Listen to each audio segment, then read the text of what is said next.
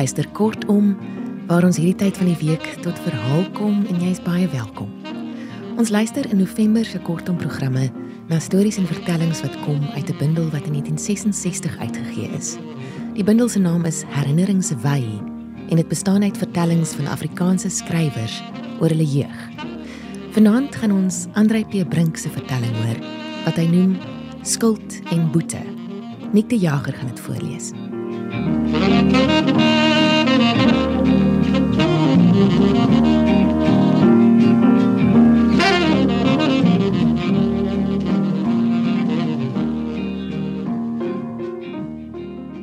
Verlaas moet ek seker maak dat daar niemand naby is nie.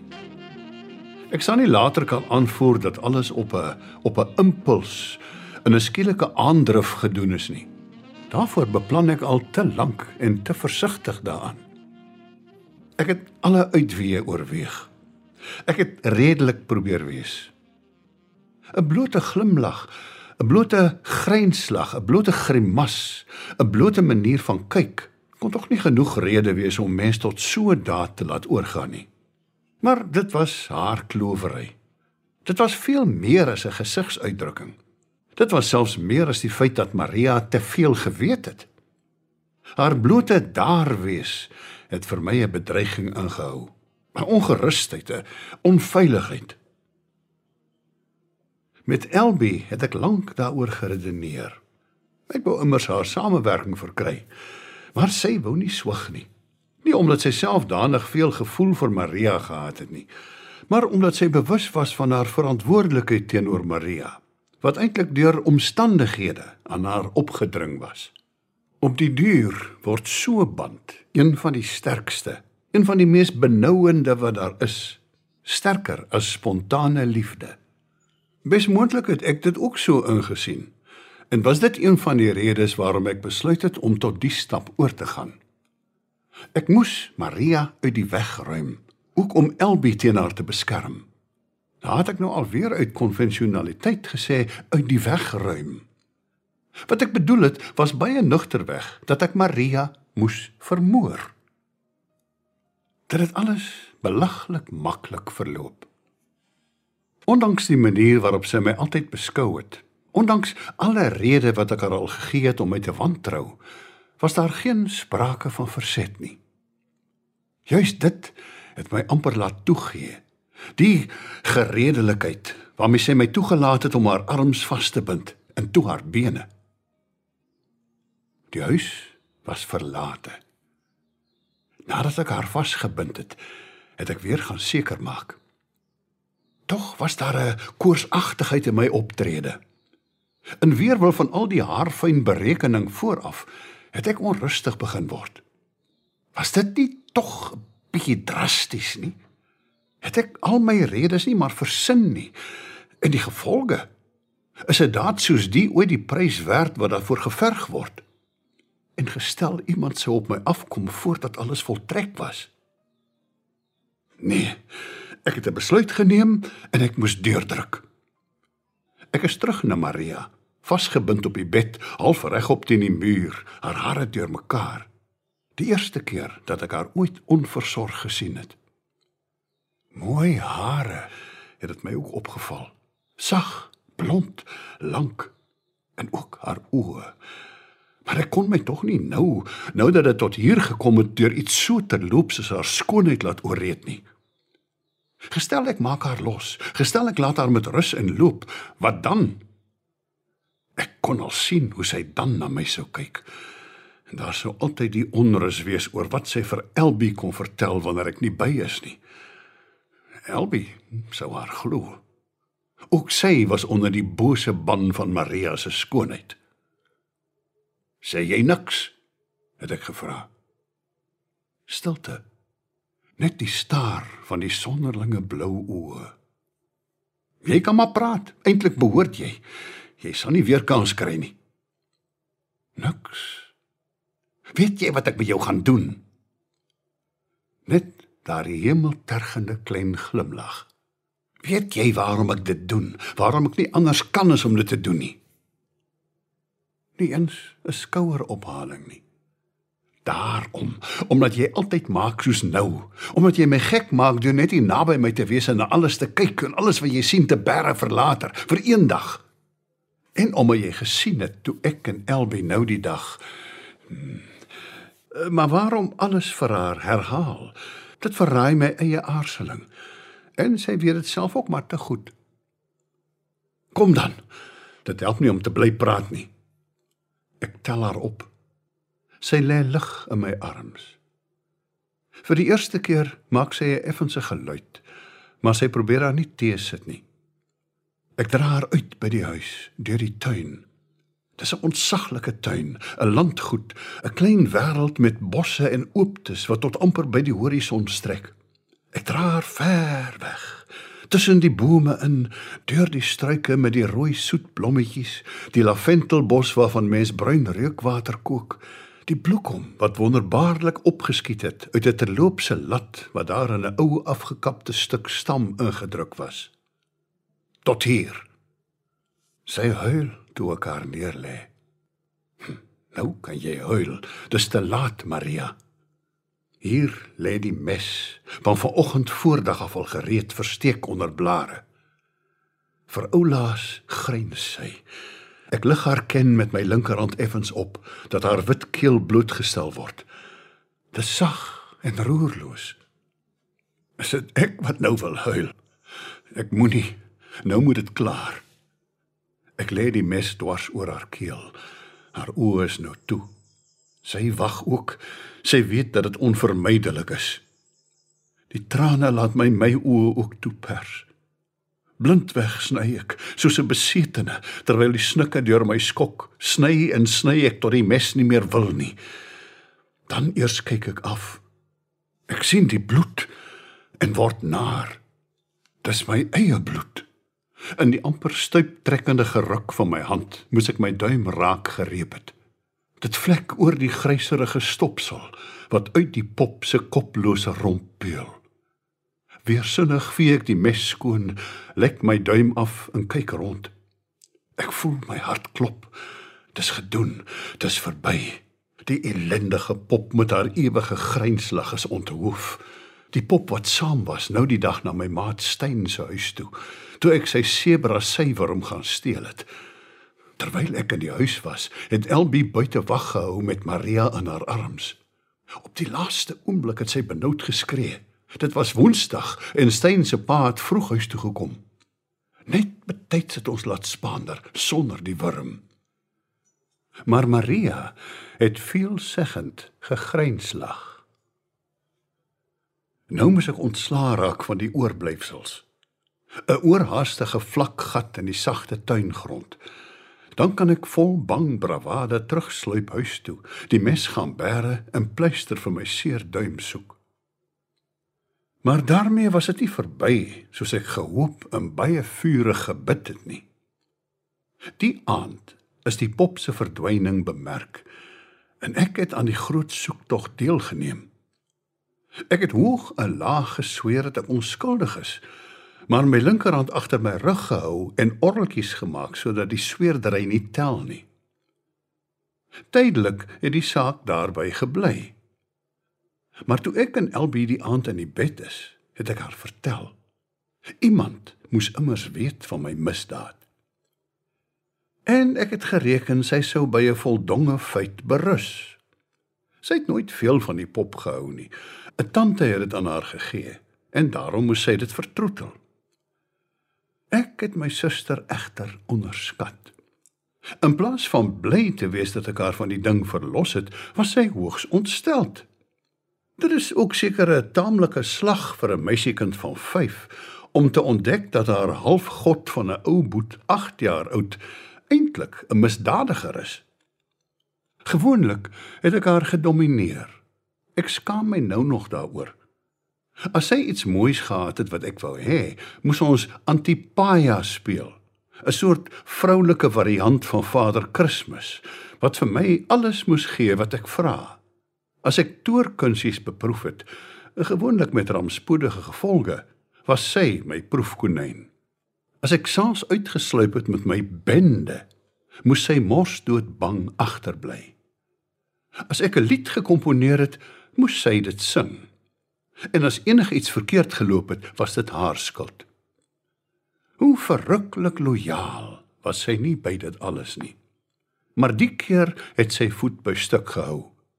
3 maal het my ouers uit die sitkamer geroep dat ons nou moet stil bly en omdraai en slaap anders. Ek het later by haar op haar bed gaan sit en fluister en smeek en dreig. Ai konna. Uiteindelik het sy 'n mate van 'n kompromis voorgestel. Goed, sy sou vir niemand daarvan vertel nie. Maar dit was haar mooiste en liefste en dierbaarste pop, klein fariseer. En in ruil daarvoor moes ek ook my dierbaarste besitting opoffer. Haar eis het waarskynlik gespruit uit die storie van Kain en Abel. Ek, Kain, moordenaar, sou 'n offerande van my kosbaarste besitting aan die Here bring en dan sou sy my vergewe. Ek het lank wakker gelê die nag. Dit was darm nou vroulike onregverdigheid. Hier help ek haar ontslaa raak van 'n simpel grynslaggende pop en nou moet ek my mooiste besitting prysgee. Daarby het die saak iets van 'n bedwelmende bekoring ingehou. 'n Offerande. 12 klippe op 'n hoop gestapel soos deur die Israeliete van ouds, 'n offerande bo-op, water daaroor uitgegiet soos Elia by Karmel gemaak het, dan die vurige gebed van die regverdige wat groot krag het, eh, die vorige week se Sondagskoolteks, en uiteindelik die vuur en swaal uit die hemel. Dit was kort na Pinkster, wat die jare onuitwisbare indruk op my gemaak het. Ek het 'n geloof gehad wat berge kon versit. Ek was gloeiend van godsdiens ywer. Ek was vasberade om 'n heilige te word. Terloopse voorvalletjies soos die suiwerm steelery was die klein versoekinge waarvoor enige sondaar moes soeg. En dit skenk mens buitendien geleentheid vir 'n ekstra vurige gebed en enorme berou. Maria se moord was nie sonde nie. Goed dan, Ons sou 'n heilige Guy Fawkes hou en die Here van die leerskare sou die vuur verskaf. Ek het dit eers oorweeg om al my klasmaats uit te nooi om te kom kyk en elke trip hê toegangsgeld te betaal. Ek het daardie dae niks op die aarde of in die waters onder die aarde ontsien om geld te maak nie. Maar van die voorname het ek afgesien. Effens teesinnig. Nie omdat my geloof te kort geskiet het nie, maar omdat dit op die een of ander wyse tog darm nie heeltemal reg voorgekom het nie. Heiliges en sondaars het dus almal klaarblyklik 'n ingebore morele bewussyn. Ek het 'n dag of wat geloop en prakseer oor die saak. Ek het nooit oorhaastig te werk gegaan nie. Wat ek aangepak het, was op die skaal van 'n junior Cecil B. DeMille geskied. Maar Elbie het ongeduldig begin word. Sy wou die hemelse vuur aanskou. Eers later het ek gewonder of sy heimlik gehoop het die Here sou effens skeef mik en haar broer verteer in plaas van die offerande. Eh, maar dit terloops. Sy het my goed begin aandra. My battery treintjie op spore, my knipmes, my geldbussie. Almal was kosbaar. Ek kom maar kies watter een ek wil offer, het sy gesê. My moed het begin wankel. My geloof was so groot dat ek heeltemal seker was oor die vuur. En ek wou daarom nie regtig soveel verloor nie, uh, nie in ruil vir Maria nie. Toe kry ek die gedagte. Ek sal vir jou op die altaar vasmaak, sê ek vir Elbie. Jy's tog die een wat ek die liefste het. Jy kan my nie lief hê as jy my wil verbrand nie, sê sy. Maar jy sal nie verbrand nie, man. Net voor die vuur kom sal die Here 'n skaap stuur soos vir Abraham. Hy sal sy horings daar in 'n bos vasdraai en dan offer ons hom. Nee. Die glinsterende uitweg wou sy net nie aanvaar nie. Wat meer is, sy was ook nie bereid om veel langer te wag nie. Môre, net môre word daar geoffer. Anders lek die verhaal van Maria se moord uit. Dan sê jy sien wie's jammer. Ek het benoud begin raak. Een vir een van my besittings het ek deurgekyk. Ek het daaraan gedink dat ek tog maar weer moes probeer om Steyn se syworm te gaan vaslê en dit te offer. Want as ek hom eenmal gesteel het, sou hy ongetwyfeld my kosbaarste besitting wees. En tog sou ek die verlies nie so erg voel as die wurm juis moet verbrand nie. Maar dalk het die Here iets teen gesteelde offerandes. Ek moes aan die veilige kant bly. Tog het ek 'n uitweg gekry. Ek het 'n klip gehad wat ek op 'n plaas se vakansie of wat tevore opgetel het. 'n Mooi gladde wit stuk seepsteen. Die klip, het ek myself oortuig, is die mooiste en kosbaarste en dierbaarste ding wat ek op aarde besit. Nêrens op aarde is daar nog so 'n kosbare klip nie. 'n Ganse middag het ek met die autosuggestie rondgeloop want ek het mos geweet dat die Here geen offerande met welgevalle aansien as dit nie mense waardevolste besitting is nie. En ek wou nie hê die rook moet grondlangs afslaan nie. Dit moes optrek regop soos die gebed van 'n regverdige. So het ek my dan op die duur heeltemal oortuig dat daardie klip as dit ware bloed van my bloed is. En toe ek dit op laas self vas, baie vas geglo het, het ek my altaar gaan bou. 12 klippe van die grootte wat my dun armpies kon hanteer. Was maar laag, dus het ek nog 'n stuk of 8 bo op gestapel. Bietjie fyn hout daaroor gestrooi, 3 of 4 groter stukke hout in die buitekamer gaan haal en uiteindelik my gladde klip vol toewyding bo op gaan neersit. Elbie het op die kombuistafel gaan sit en kyk. Sy wou nie te nakom nie, ingeval die vuur haar skroei. Ek het op my knieë geval en begin bid.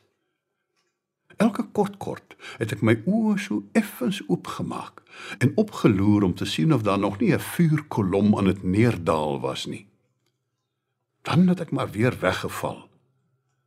Ek het gebid tot ek self aan niks meer kon dink nie. Toe my pa se twee tafelgebede bygevoeg, hier en daar frases uit die dominee of sonndagskoolonderwyser se gebede bygevoeg, en telkens weer gekyk. Maar nog geen vuur nie. Ek het begin voel soos die Baalbidders. Juist dit het my die skrik op die lyf gejaag. Liewe Here, het ek gesê, sien my aan waar ek hier vergader is om U die lof en die dank en die hulde van die voetbank van U voete te bring. Ons dank U, onsse Vader, vir die voedsel wat U vir ons berei het. Sien nou in welgevalle hierdie klip aan onsse Vader wat in die hemele is en laat u koninkryk kom en verteer hom met vuur en swaal. Hy is die mooiste klip wat ek het, Here. En as hy nie vandag brand nie, dan kry ek sla. Want dan loop vertel Elbi alles van my male en u weet self hoe daardie strep kan slaan. Here, in geregtigheid en heiligheid, u genade is vir my genoeg. Net 'n klein bietjie vuur sal genoeg wees, Here. Die klip is nie so groot nie tot in alle ewigheid. En dan loer ek weer, maar die hemel bly oop. Ek bid. Dit begin laat word, maar ek bid. My keel is later hees, maar wat bid is ek. Geen vuur nie, geen swaal nie en die klip lê maar daar. As hy kon lag, ek sweer dat hy nou met wyle Maria se lag vir my gelag. Toe tog Here asseblief. Toe roep my ma my. Dit was 'n verlossing. Langer sou ek nie kon bid nie en toe het ek minstens 'n verskoning gehad. Hoe kan 'n mens nou behoorlik vuur uit die hemel uitbid as 'n mens se ma tussenin roep dat jy moet kom bad? Maar ek het tog 'n vermoede dat daar 'n krakie in my geloof gekom het daardie dag. Ek het Elbie probeer oortuig dat die Here aan my verskyn het en vir my gesê het dis alright. Hy vergewe my vir Maria se moord. Sy was nog nie gelowig genoeg nie. Sy wou nie vir my of die Here glo nie en sy het my ma gaan vertel dat ek vir Maria doodgemaak het en ek het 'n derduiwelse pak slaag gekry en die vervloekte ou klip het daar buite bly lê. Vir al wat ek weet of omgee, lê hy nou nog daar. Tensy die vurige son van die hemel om teen die tyd laat verbrokkel het.